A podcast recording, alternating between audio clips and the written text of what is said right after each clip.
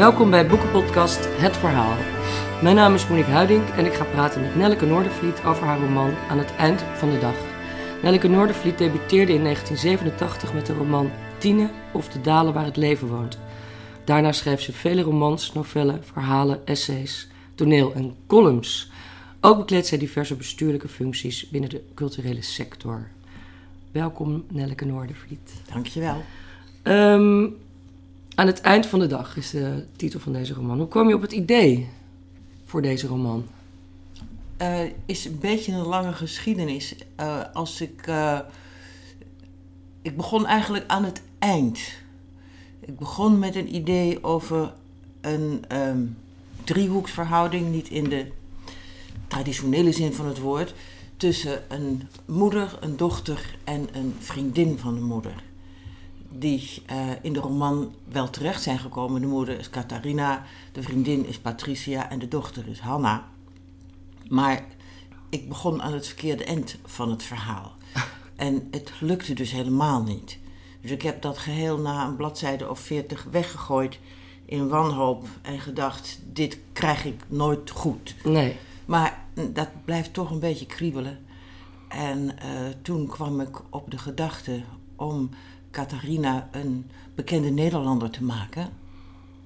Eh, die met pensioen is, zal ik maar zeggen. Mhm.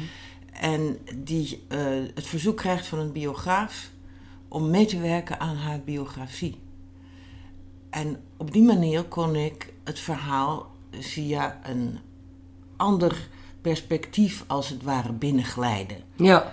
En toen lukte het wel. Had jij zelf, uh, dat, dat vraagt natuurlijk elke lezer zich af, ben jij zelf benaderd door een biograaf? Of door een nee, biograaf? godzijdank nog Helemaal niet. Nee, nee, nee, dat wordt ook een heel hardgrondig nee hoor. Ja, want Nee, Catharina wil helemaal niet dat die Nee, biografie ze wil niet. wordt. En ik zou ook niet willen, want je kunt je voorstellen dat je bij jezelf denkt: Goh, wat, wat zou er gebeuren als iemand het mij vroeg? Niet Ja. dat dat voor de hand ligt, maar.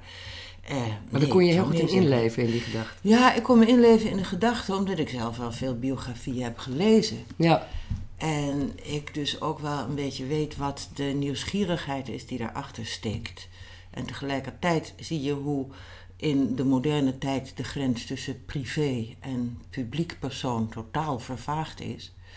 En dat is natuurlijk altijd ten nadele van het privéleven van iemand. Dus waar het op neerkwam is dat ik ehm Catharina vervolgens in weerzin tegen die biografie heb laten nadenken over wat ze per se nooit aan een biograaf kwijt zou willen. ja, wat ik een super slimme constructie vind.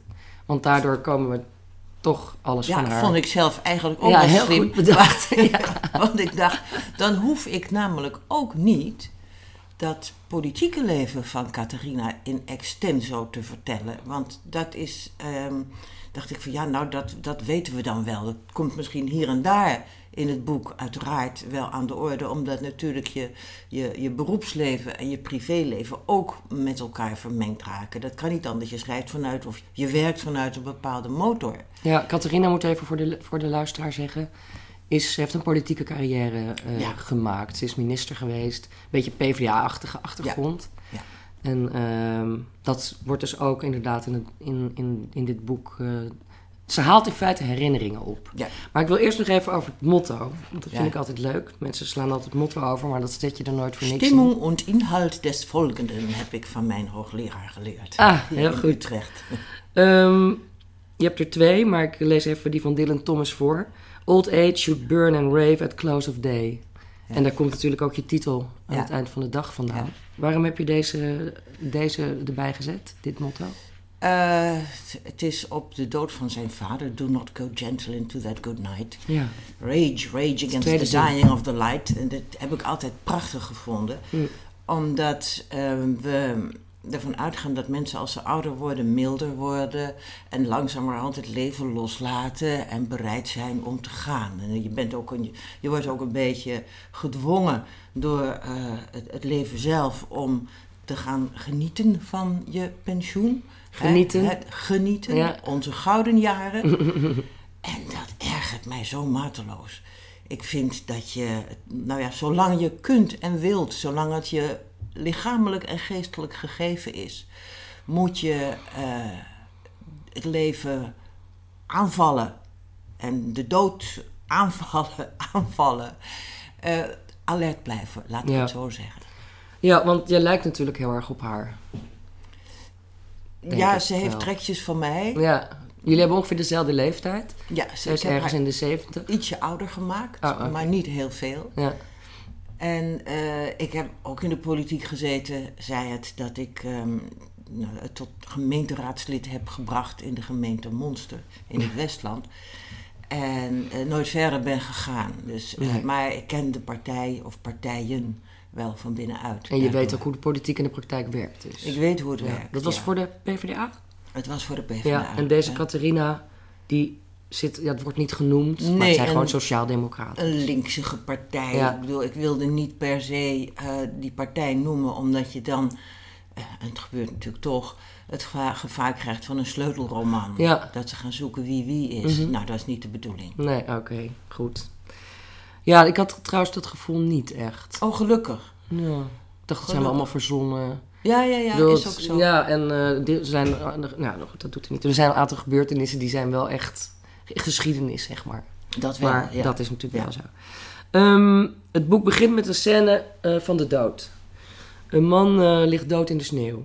Het is een, een schrijver, die man, dode man, die zelf ooit exact zo'n scène beschreef voor een personage dat hij eh, in zijn boek eh, opvoert. Is dat een schrijversangst? Dat je bang bent dat wat je schrijft, dat dat misschien een boze voorspelling kan worden? Dat dat uitkomt? Oh, wat grappig dat je dat vraagt. Ehm, daar ben ik althans niet bewust bang voor.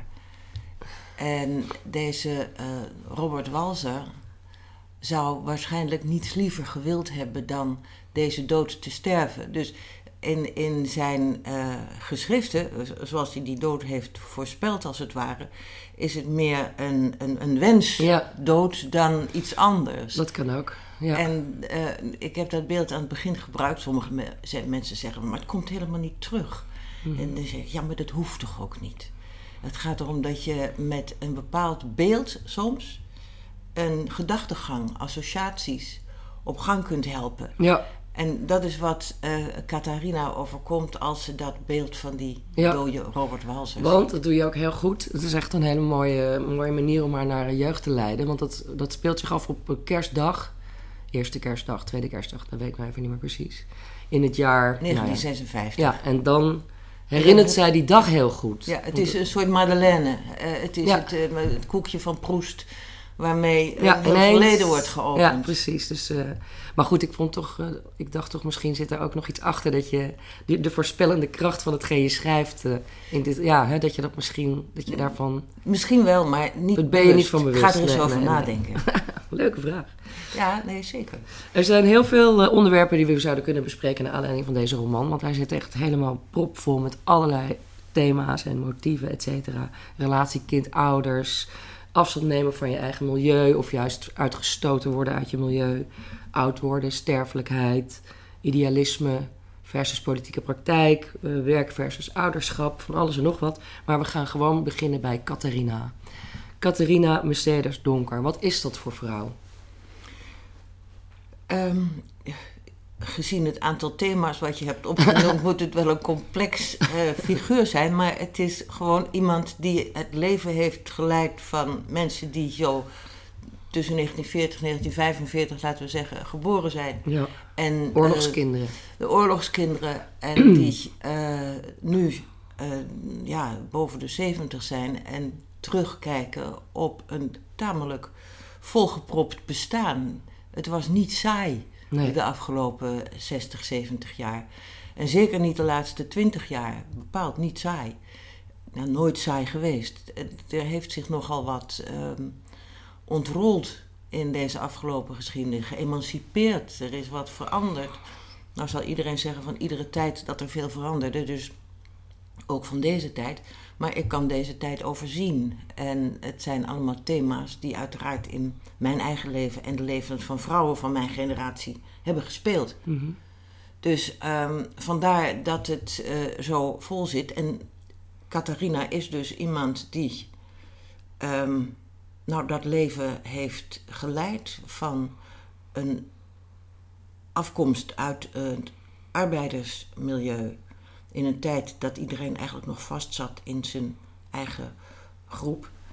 eh, naar eh, het eind van haar leven, waarin eigenlijk alles is eh, veranderd. Ja, En waarin ze geprobeerd heeft om zich staande te houden, laat ik het zo zeggen. Gewoon staande te houden, stevig te staan. ja. Het startpunt is die biografie. Je zei het net al. Zij wordt benaderd door een vrouw die heet Clara Hartong. En die wil haar biografie schrijven, een wetenschappelijk verhaal, een tijdsbeeld geven naar aanleiding van haar leven. Ja, hè, en dat ja, natuurlijk een heel goed idee, waarom niet? Maar dat wil ze absoluut niet. Dat wil ze niet hebben. En, ehm, maar omdat die, vraag aan haar wordt gesteld, eh, gaan haar herinneringen aan vroeger, haalt ze die herinneringen op. En ehm, ehm, in feite gaat ze eh, dus dingen zich herinneren die ze eigenlijk geheim wil houden. Maar waarom wil ze die dingen geheim houden? Omdat ze vindt dat, nou ja, een biografie en een biograaf probeert natuurlijk eh, ook in het privéleven door te dringen van degene die wordt beschreven. Ja. En liefst zoveel mogelijk daaruit eh, op te diepen. Om dat eh, verhaal van het publieke leven, als het ware, een beetje te, ja, hoe moet ik het zeggen, eh, smeuig te maken. Mhm. Het is, we zoeken altijd naar eh, de persoon achter Ja, een. de human interest. Het human interest. Ja. Dus, vooral veel persoonlijke verhalen en dergelijke. Maar is het eigenlijk wel geoorloofd, vraagt Catharina zich af, en ik zelf trouwens ook, om eh, zomaar eh, iemands eh, leven zonder kloppen binnen te gaan, bij wijze van spreken. Meestal wordt een biografie geschreven als iemand dood is. Ja. En dan heb je wat te stellen met de nabestaanden en dergelijke. Maar als iemand nog leeft, dan zit je tegenover iemand en probeer je alles aan zo iemand te ontlokken waar die, waar die eigenlijk helemaal geen zin in heeft om dat met een ander te bespreken. Is het ook dat je iemand eigenlijk ehm, laat, sto laat stollen, of als, zoals een foto, vastprikt in, op dit moment, terwijl iemand eigenlijk, tenminste dat denk ik dat jij dat ook met Catharina hebt, nog wat fluïde, Ja, hè, die, diegene kan ook nog wel veranderen. zeker. Ja, is dat ook de weerzin? Ja, de weerzin is ook dat eh, in biografieën wordt bijna altijd alles verklaard en geïnterpreteerd. Hmm. Het is een, een, een, een Het moet een kloppend verhaal worden. Het moet een kloppend verhaal Ja. voor worden met een begin en een eind. En eh, het moet allemaal consistent zijn. Nou, iedereen weet als je, eh, als je naar zijn eigen leven kijkt, dat het eh, aan elkaar hangt van toeval. Dat er wel bepaalde patronen herkenbaar zijn. Want je reageert altijd wel zo'n beetje op eenzelfde manier, misschien. Maar het is ook een, ja, een onsamenhangend geheel van, van alles en nog wat. Ja. Dus je kunt niet een heel leven in het teken zetten van één interpretatie. Van dit, ze deed dit, zus en zus, want ze was zo en zo. En dat, dat als een soort, ja, huls over iemand heen ja. zetten. Dat is En, vervelend. en zij is, Catharina is bang dat die Clara dat gaat doen. Ja, en de- ze is ook heel erg bang, dat zegt ze op een gegeven moment ook, dat als die biografie wordt geschreven, dat iedereen haar erin herkent, behalve zijzelf. Ja, Omdat je ook nog een heel ander beeld kan hebben van jezelf dan Ja. anderen van jou hebben. ja, Net zoals bij een foto denk je, oh dat ben ik toch helemaal niet. En anderen zeggen, nou ja, Ja, het sprekend. sprekend. Ja, wat een leuke foto. En dan denk je, ja, wat een vreselijke foto. Wat idioot zeg. Wat een toestand. Ehm, ja, en dat gaat eigenlijk door het hele boek heen. Ze heeft ook wel wat te verbergen. Misschien. Ja, nou, ja, iedereen heeft wat te iedereen wat verbergen. te verbergen. En daar zit ze ook niet op te wachten dat dat onthuld wordt. Ehm, en ze heeft nogal een, eh, een roerig eh, leven en, een, en van allerlei emotionele dingen meegemaakt. eh, in de privésfeer vooral ook. Ja. Met mannen en kinderen. Ehm, maar even naar haar jeugd. Zij heeft, ze komt uit een arbeidersgezin en gaat als enige van haar milieu eigenlijk naar het gymnasium. Dat is natuurlijk meteen een heel ander milieu. En dan realiseert ze zich, als ze op een feestje is, of een of ander verjaardagsfeestje of een klasgenootje, dat ze eigenlijk niet zo goed toegerust is voor dat andere milieu. Ze kan bijvoorbeeld niet goed met mes en vork eten. En dan is ze woedend, er is ontzettend kwaad over. Ik dacht, is dat ook iets in, in dat leven van die Catharina waarin haar schaamte begint? Ja. Ja. Dat ze zich dan ineens schaamt. Ja, schamen doe je je altijd als je de blik van een ander opeens op je voelt rusten. En wanneer die ander de, ja, laten we zeggen, gewoon de familiekring is, dan is het al erg genoeg. Want een eerste gevoel van schaamte krijgt ze al als ze een versje op moet zeggen voor het 50-jarig huwelijk van haar grootouders. En als ze in het begin niet even weet hoe het moet. En, dat is al de schaamte van iedereen denkt dat ik zo'n slim meisje ben. Maar ik weet nou niet eens die eens- tekst. Ja. Eh, dus dat is in het klein. En later krijgt ze het eh, in het groot als ze in andere milieus terechtkomt. En bij zichzelf denkt van ze kijken nu allemaal naar me. Ja, En eh, ze moet dan leren die codes te ontcijferen Ja. in die andere milieus. want dat komt steeds terug. En zij lijkt, dus op een gegeven moment zegt ze ook zoiets van: ik harnas me met diverse ja, versies van zichzelf. Als een wapen. Mhm. Ja. Eigenlijk diverse identiteiten neemt ze aan. Ja. Komt dat ook door, komt dat door die- omdat die schaamte de oude identiteit stuk maakt? Aantast? ja, want je wordt, ehm, als je je schaamt, steeds weer geconfronteerd met jezelf. Met wie je bent, waar je vandaan komt. Mensen zeggen vaak: ik voel me klein. Ja.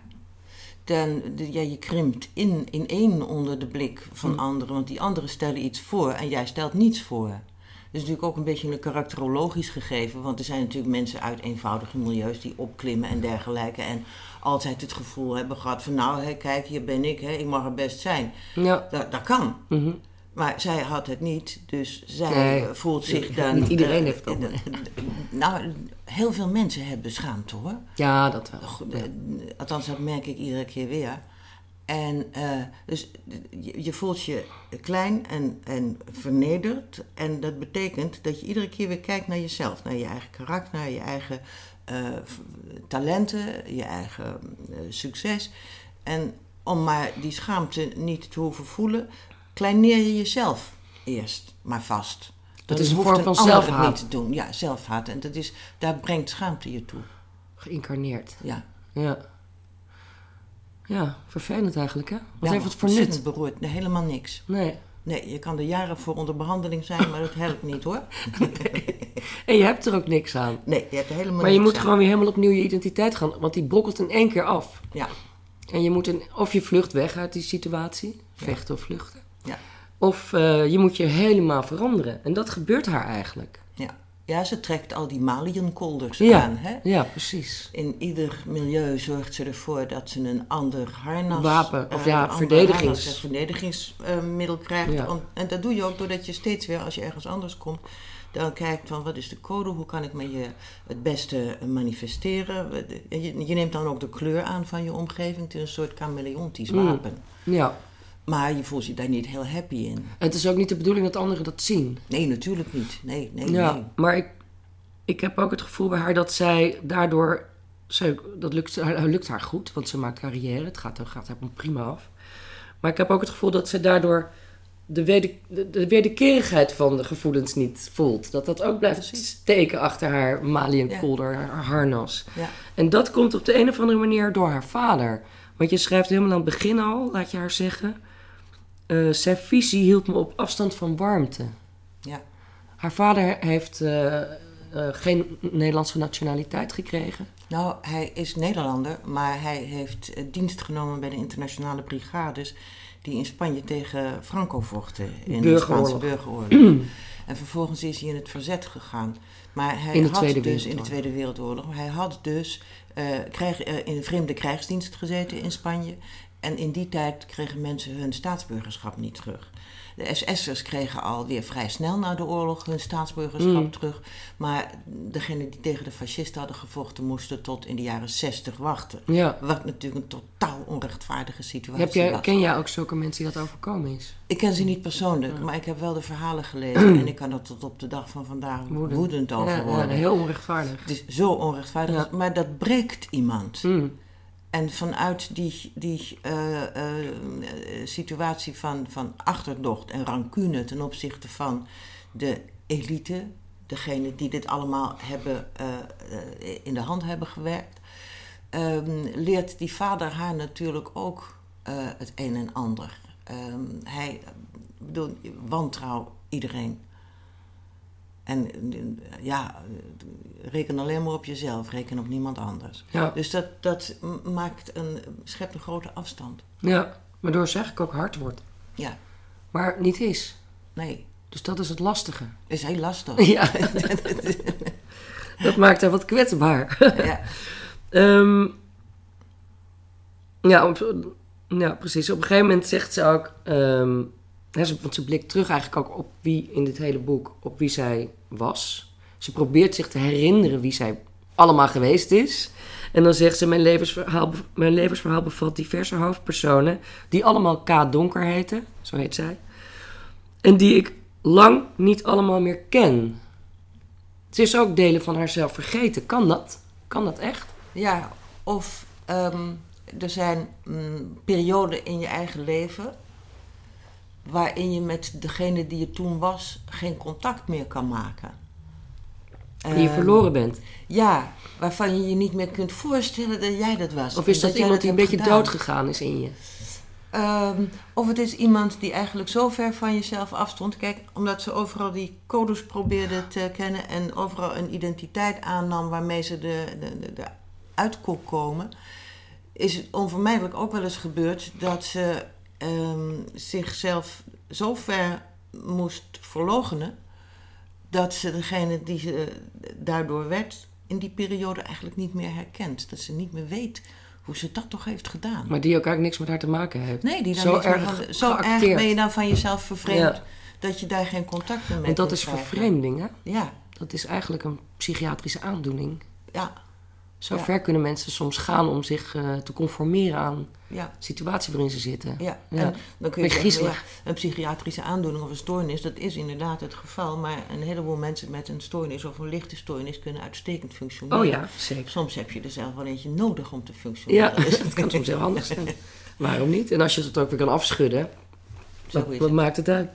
Ze zegt op een gegeven moment ook: alles is zoals het is en er zit geen bedoeling achter. En ik geloof dat ze daar een beetje een Sartre-achtige, dat heeft ze een beetje van Sartre of van Camus, dat weet ik nou niet meer precies. Maar waarom is dat zo belangrijk voor haar? Dat, dat alles is zoals het is en dat er geen bedoeling achter zit. Ehm, als je de, je hele leven bezig bent om in dit raadselachtige bestaan eh, erachter te zien te komen wat de bedoeling daarvan is, De zin. de zin, de- het is een vraag die ehm, eigenlijk waar geen antwoord op mogelijk is. Dus stel hem dan ook maar liever niet. Ah, is het een, ook een vlucht? Vlucht vooruit. Nee, het is niet een vlucht vooruit, geloof ik. Maar het is meer een, eh, een, het onder ogen zien van de realiteit. Hm. Jaap van Heerde, de psycholoog, filosoof, die schreef ooit een boek onder de titel Wees blij dat het leven geen zin heeft. Wat ik een van de leukste titels vind van, sinds jaren. Want, eh, want daar wordt iedereen zo misch van. Hè? Oh, het leven heeft helemaal geen zin. Oh, erg. Ja. Nee, wees blij. Stel je voor dat het een zin zou hebben die je moest ontdekken. Ja, het is ook natuurlijk een, het lot van een atheïst. Ja. Die geen God heeft. ja, en ja, daar ben ik eigenlijk wel blij om. Ja. Eh, Want eh, anders dan zit je helemaal vast aan eh, die figuur buiten jou, dat die je buiten jouzelf hebt geplaatst. En ja, draai je radeloze rondjes om je eigen kern. Maar je hebt wel een leven na de dood. Nou, Dat zeggen ze. Dat zeggen ze, maar ja, Kun je aan vasthouden. dat, kan je, dat is waar. Ik bedoel, ik, ik misgun niemand die troost. Ja. Dat is ook wel lekker, dat Het is idee. heerlijk, Ja. dat idee. Maar Dan de is- eeuwige ja, dood. Ja, het is bij mij niet houdbaar gebleken, die Nee, gedachte. nee, bij- bij mij ook niet hoor.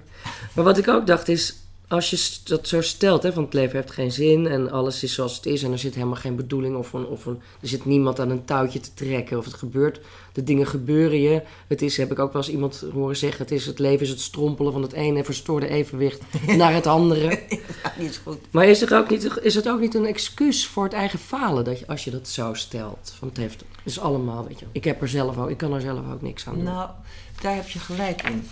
Dat zou inderdaad het geval kunnen zijn. Dat, eh, en er zijn ook mensen die dat gebruiken als een excuus. Van ja, nou ja, ik had er helemaal geen zin hoor. Nou joh, waarom? Het heeft toch ook helemaal geen, geen nut om dat te doen, slachtoffer en zo. Ja. Nou, dat is ongeveer wat Catharina Donker het allerergste vindt dat mensen kunnen eh, vertonen, het slachtofferschap. En uh, je kunt namelijk wel zeggen in een soort passiviteit van nou jongens, er is toch helemaal geen, geen bal aan te doen. Maar dan blijf je in een uh, passieve houding zitten in het leven. En waar, wat wel zin heeft, althans als je dat voor jezelf zo formuleert, is proberen er wat van te maken.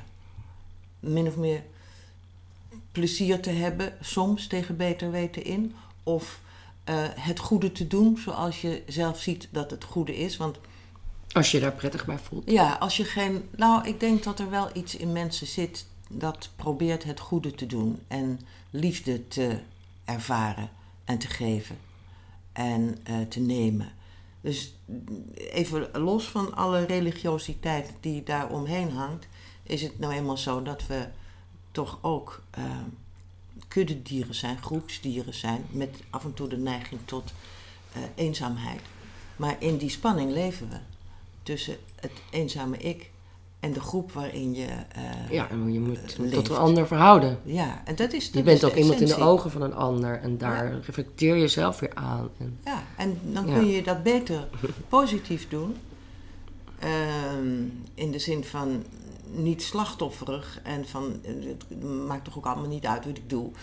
Uh, maar gewoon proberen iets te maken van datgene wat je gegeven is. Je hebt bepaalde talenten, wat, bepaalde vermogens, wat zin, lust, begeerte. Doe daar wat mee. Um, wat ze nu tegenwoordig YOLO noemen. You only live once.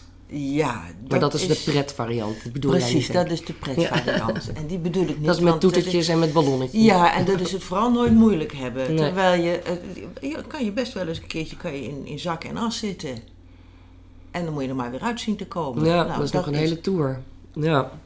Um, zij heeft wel uh, een ambitie, onze Catharina.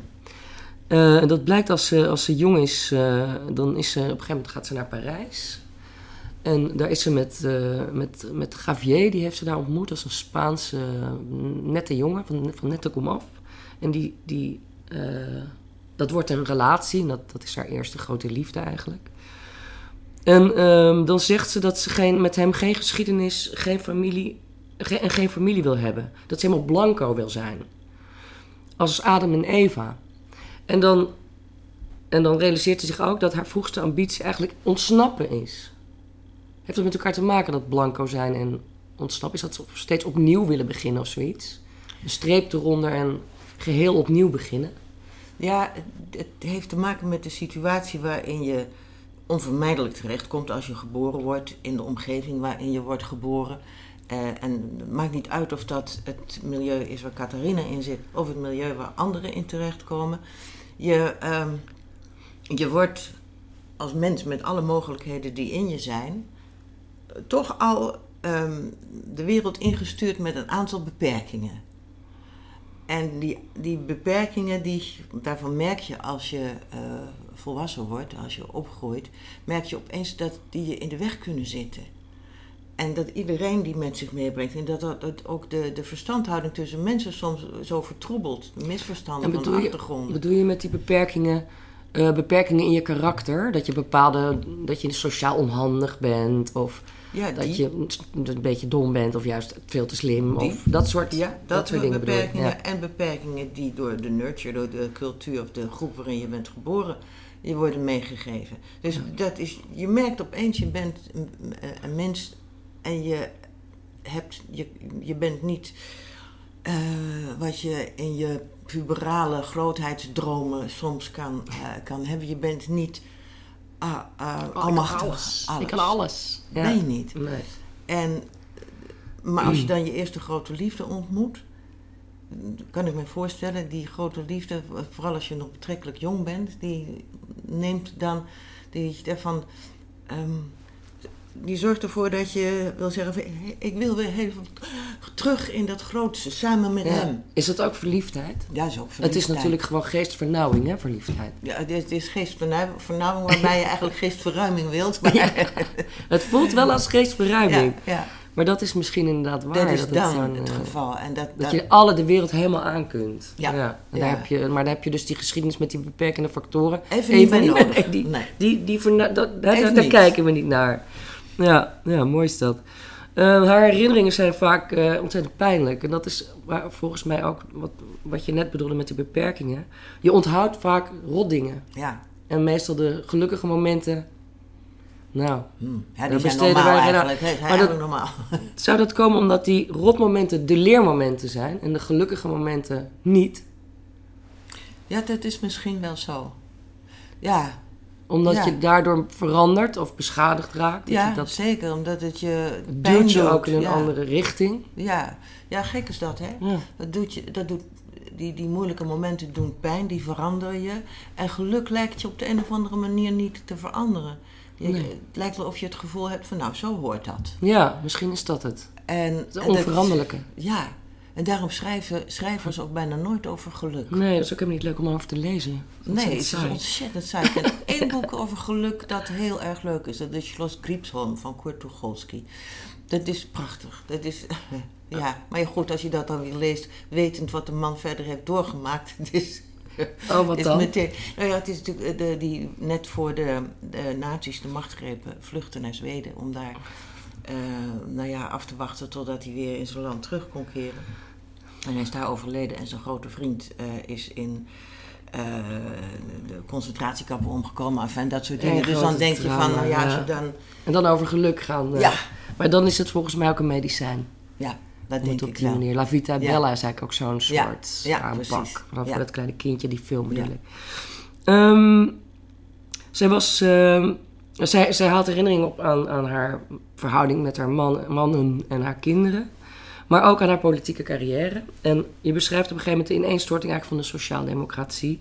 Waarin zij in de jaren 70 en 80 actief was.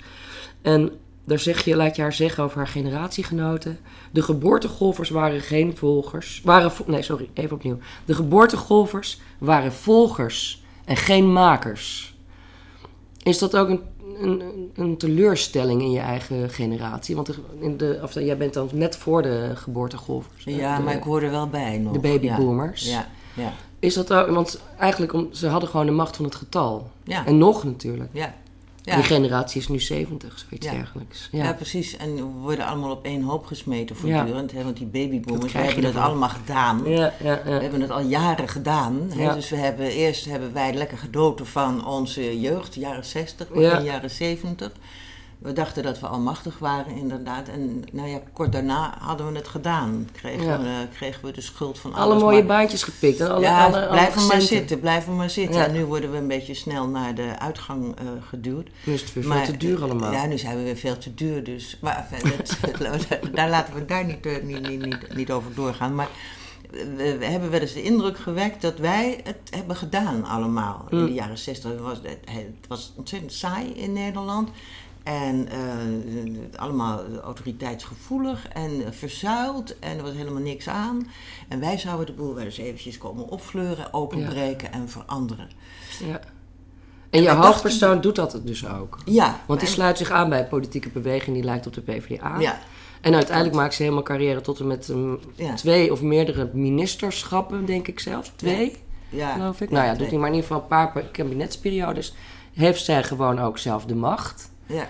En dan maakt ze ook mee hoe dat dan werkt in de praktijk. En dat, het, dat, je, dat je de meest vreselijke eh, concessies aan jezelf moet gaan doen. En, Ja.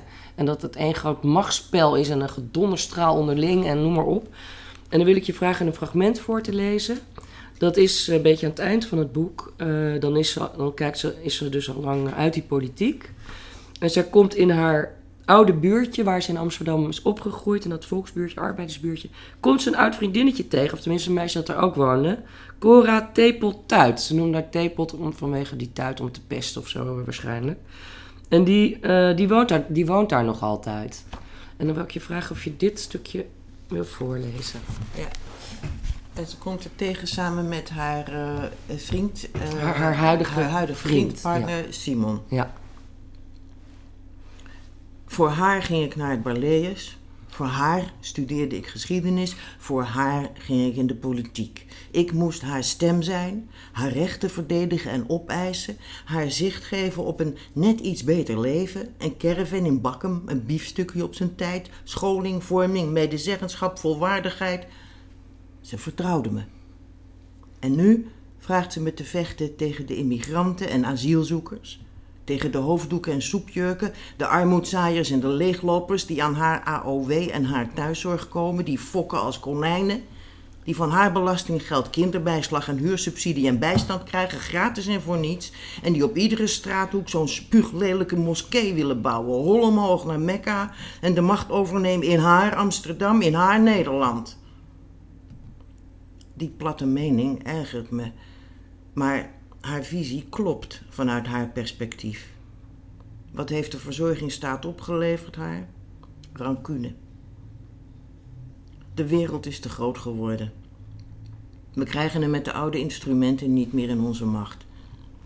Het ideaal past gewoonweg niet meer op het slot van de tijd. Ik zat in Den Haag te vergaderen over regelingen waaraan iedereen zijn gat zou afvegen.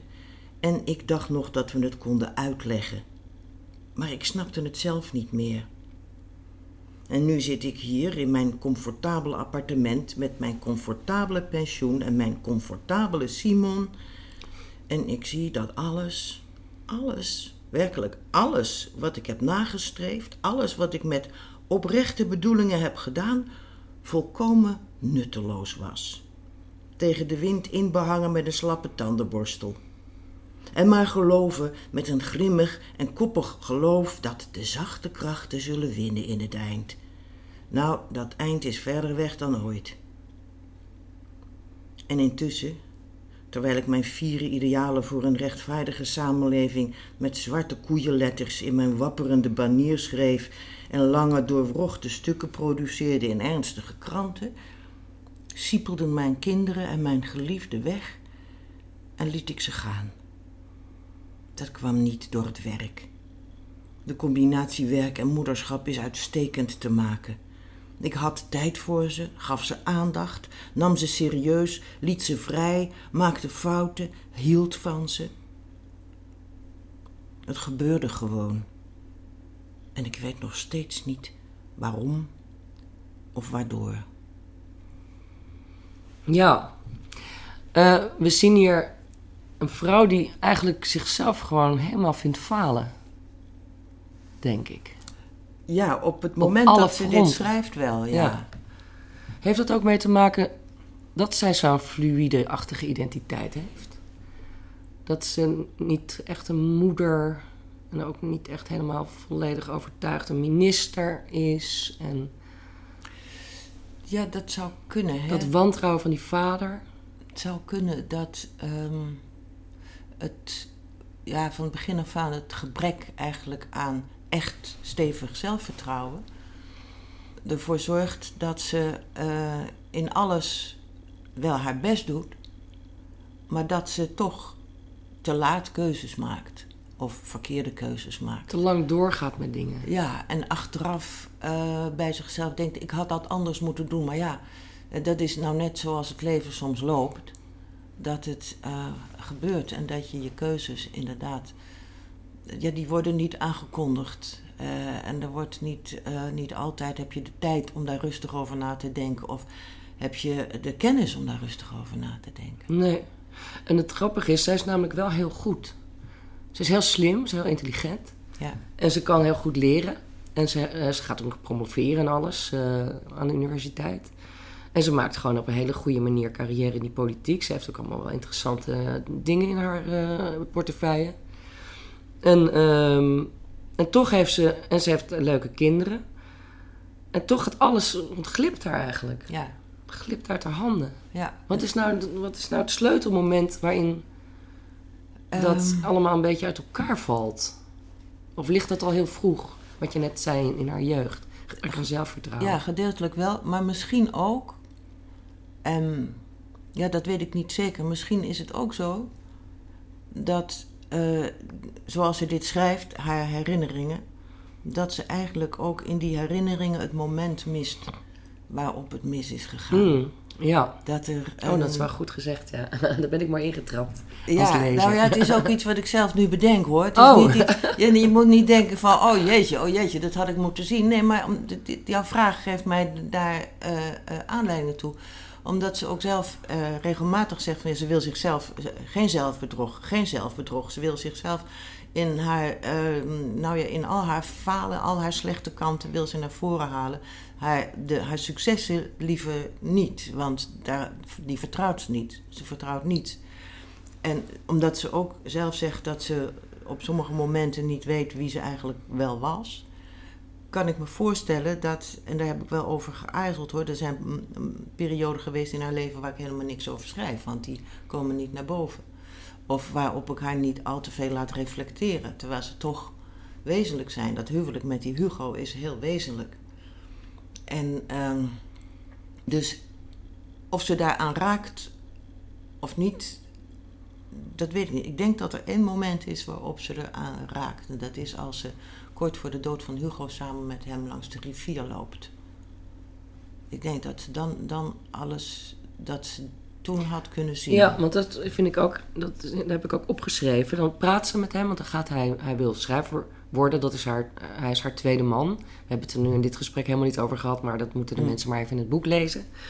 En eh, dan heeft hij eindelijk besloten, na, terwijl hij is ook manisch depressief, hij heeft Mhm. eh, problemen, hij kan moeilijk leven, hij weet niet zo goed hoe hij moet leven. Maar hij heeft besloten dat hij nu eindelijk weet wat hij gaat schrijven. En dan zegt hij in dat gesprek met haar, want ze vraagt wat ga je dan schrijven, bla bla bla. En dan zegt hij, alles schrijven is autobiografie. Mhm. En dat is natuurlijk fantastisch in deze roman. Want je ze gaat natuurlijk ontkennen dat dit deels autobiografisch is. Mhm. Ja. maar je laat een van je belangrijke personages zeggen dat alles schrijven Autobiografie. autobiografie is. Ja. Is dit een als roman vermomde autobiografie eigenlijk, dit, dit boek? Jouw autobiografie? Ehm, nee, dat is het niet. Maar laten we zeggen, als je het genre autobiografie wat ruim interpreteert en zegt dat het ook een soort eh, geestelijke weerdegang is, kan zijn, dan is voor een deel eh Catharina's ehm, leven ook een spiegel van mijn leven. Op een bepaald niveau. Maar ga niet op zoek in de werkelijkheid naar mijn twee mannen of zo, want ik heb er maar één. ja. En die heb ik nog steeds. Dus het, eh, eh, en Maar had wel gekund natuurlijk. Dit had jouw biografie kunnen zijn. dat had het kunnen zijn. ja, dat dacht ik op, op het eind. Dit is gewoon een leven dat jij Had, had kunnen leven, Ja. leiden. ja. Ja. En mijn vader is niet naar de Spaanse burgeroorlog gegaan. Maar had wel gekund in die generatie. Had gekund in Ja. die generatie. Dus het zijn elementen die, die, ik, eh, die ik herken en waar ik mij, mijzelf in kan verplaatsen. Dus het is een boek voor een generatie. Ja, maar dat is het zeker natuurlijk. Even kijken, want je, ik had nog één mooi quoteje opgeschreven. Dan kan ik het geloof ik niet meer terugvinden. Dat zou wel jammer zijn. Dat fictie, dat je eerder... Dat Ja, fictie dichter... dichter. Dat fictie eigenlijk dichter bij de kern van de mens komt dan een biografie Ja. ooit zal kunnen. Ja, omdat het niet echt gebeurd is. Nee, en omdat in een biografie altijd die dwang van interpretatie erbij is. En Mm. altijd de dwang van de interpretatie van, van degene die naar die ander kijkt, historisch en zo. Ja, maar dat is Terwijl- bij fictie kan dat natuurlijk ook. Want je wil dat Ja. de hoofdpersoon... Er moet ook wel een soort van logica in zitten. De. Jawel, maar je kunt, je kunt dan heel dicht bij iemand komen. In zijn, je mag, je mag, Ja, daar gaat dat het is toch niet echt. Je mag in, eh, in, die, in de intimiteit van een mens treden, omdat het geen echt persoon is. Maar een levend mens, of een, iemand die je kunt aanraken, of die zichtbaar is, of was echt een levend mens, daar vind ik van dat je daar eigenlijk misschien wel af zou moeten blijven. Mm. Uit beleefdheid. Ja, om niet de respect. grenzen van een ander te overschrijden. Ja, ja. En in fictie hoeft dat Nee, godzijdank niet. dan En- kun je dat lekker wel doen. ja. Eh Ten slotte verzucht ze een beetje op het eind. Dan maakt niet zoveel uit hoe dat, ik vind het niet leuk om te verklappen hoe het allemaal Nee, afloopt moet ook natuurlijk. niet. Dat moeten de mensen in dit mooie boek lezen. En dan zegt, verzucht ze, wat een verschrikking, oud worden. ja, nou, leuk is het niet. Maar het heeft dan ook wel weer te maken met dat motto eh, van Dylan Thomas. Ja. Er zit, ook, er zit ook heel veel woede ook in, in Ja. die verzuchting. En je kunt er ook niks aan doen. Je wordt Nee. vanzelf gewoon oud. Ja. En, dan, ja, daarna ga je dood. Ja, Ja, ja, ja. Dit, ik bedoel, life is hard and then you die. Ja, Eh, en ja, op zichzelf is dat, eh, aanvaard ik dat gegeven zonder meer. Je hebt namelijk eh, geen andere keus. nee. er is geen weg terug. Nee, nee. Maar s- soms ben je daar wel eens boos om, om de manier waarop, waarop, waarop je voelt dat het, het leven je in de steek laat ook. De, de, dat je ook een beetje wordt afgeschreven. Dat, het is jong, jong, jong. Hmm. En dat, bedoel, dat is ook belangrijk. En ik zou ben de laatste die op 50 plus zou willen stemmen. Eh, want daar gaat het helemaal niet om. Hmm. Maar het, het, het gaat om het, het, ja, nou ja, het gevoel wat je hebt als je ouder wordt en nog in het leven staat. Maar je merkt, ah, ik ben aan mijn laatste eentje bezig. Ja, ik doe nu al een beetje niet meer mee. Ja, Ja. En je doet nog wel mee, maar je wil dat op je eigen voorwaarden doen. En niet op de voorwaarden van de anderen. Nee. Vandaar old age should burn and rave at close of day. Hartelijk dank voor dit gesprek. Ik sprak met Nelleke Noordervliet over haar roman Aan het eind van de dag. Eh, u kunt deze boekenpodcast steunen met een donatie.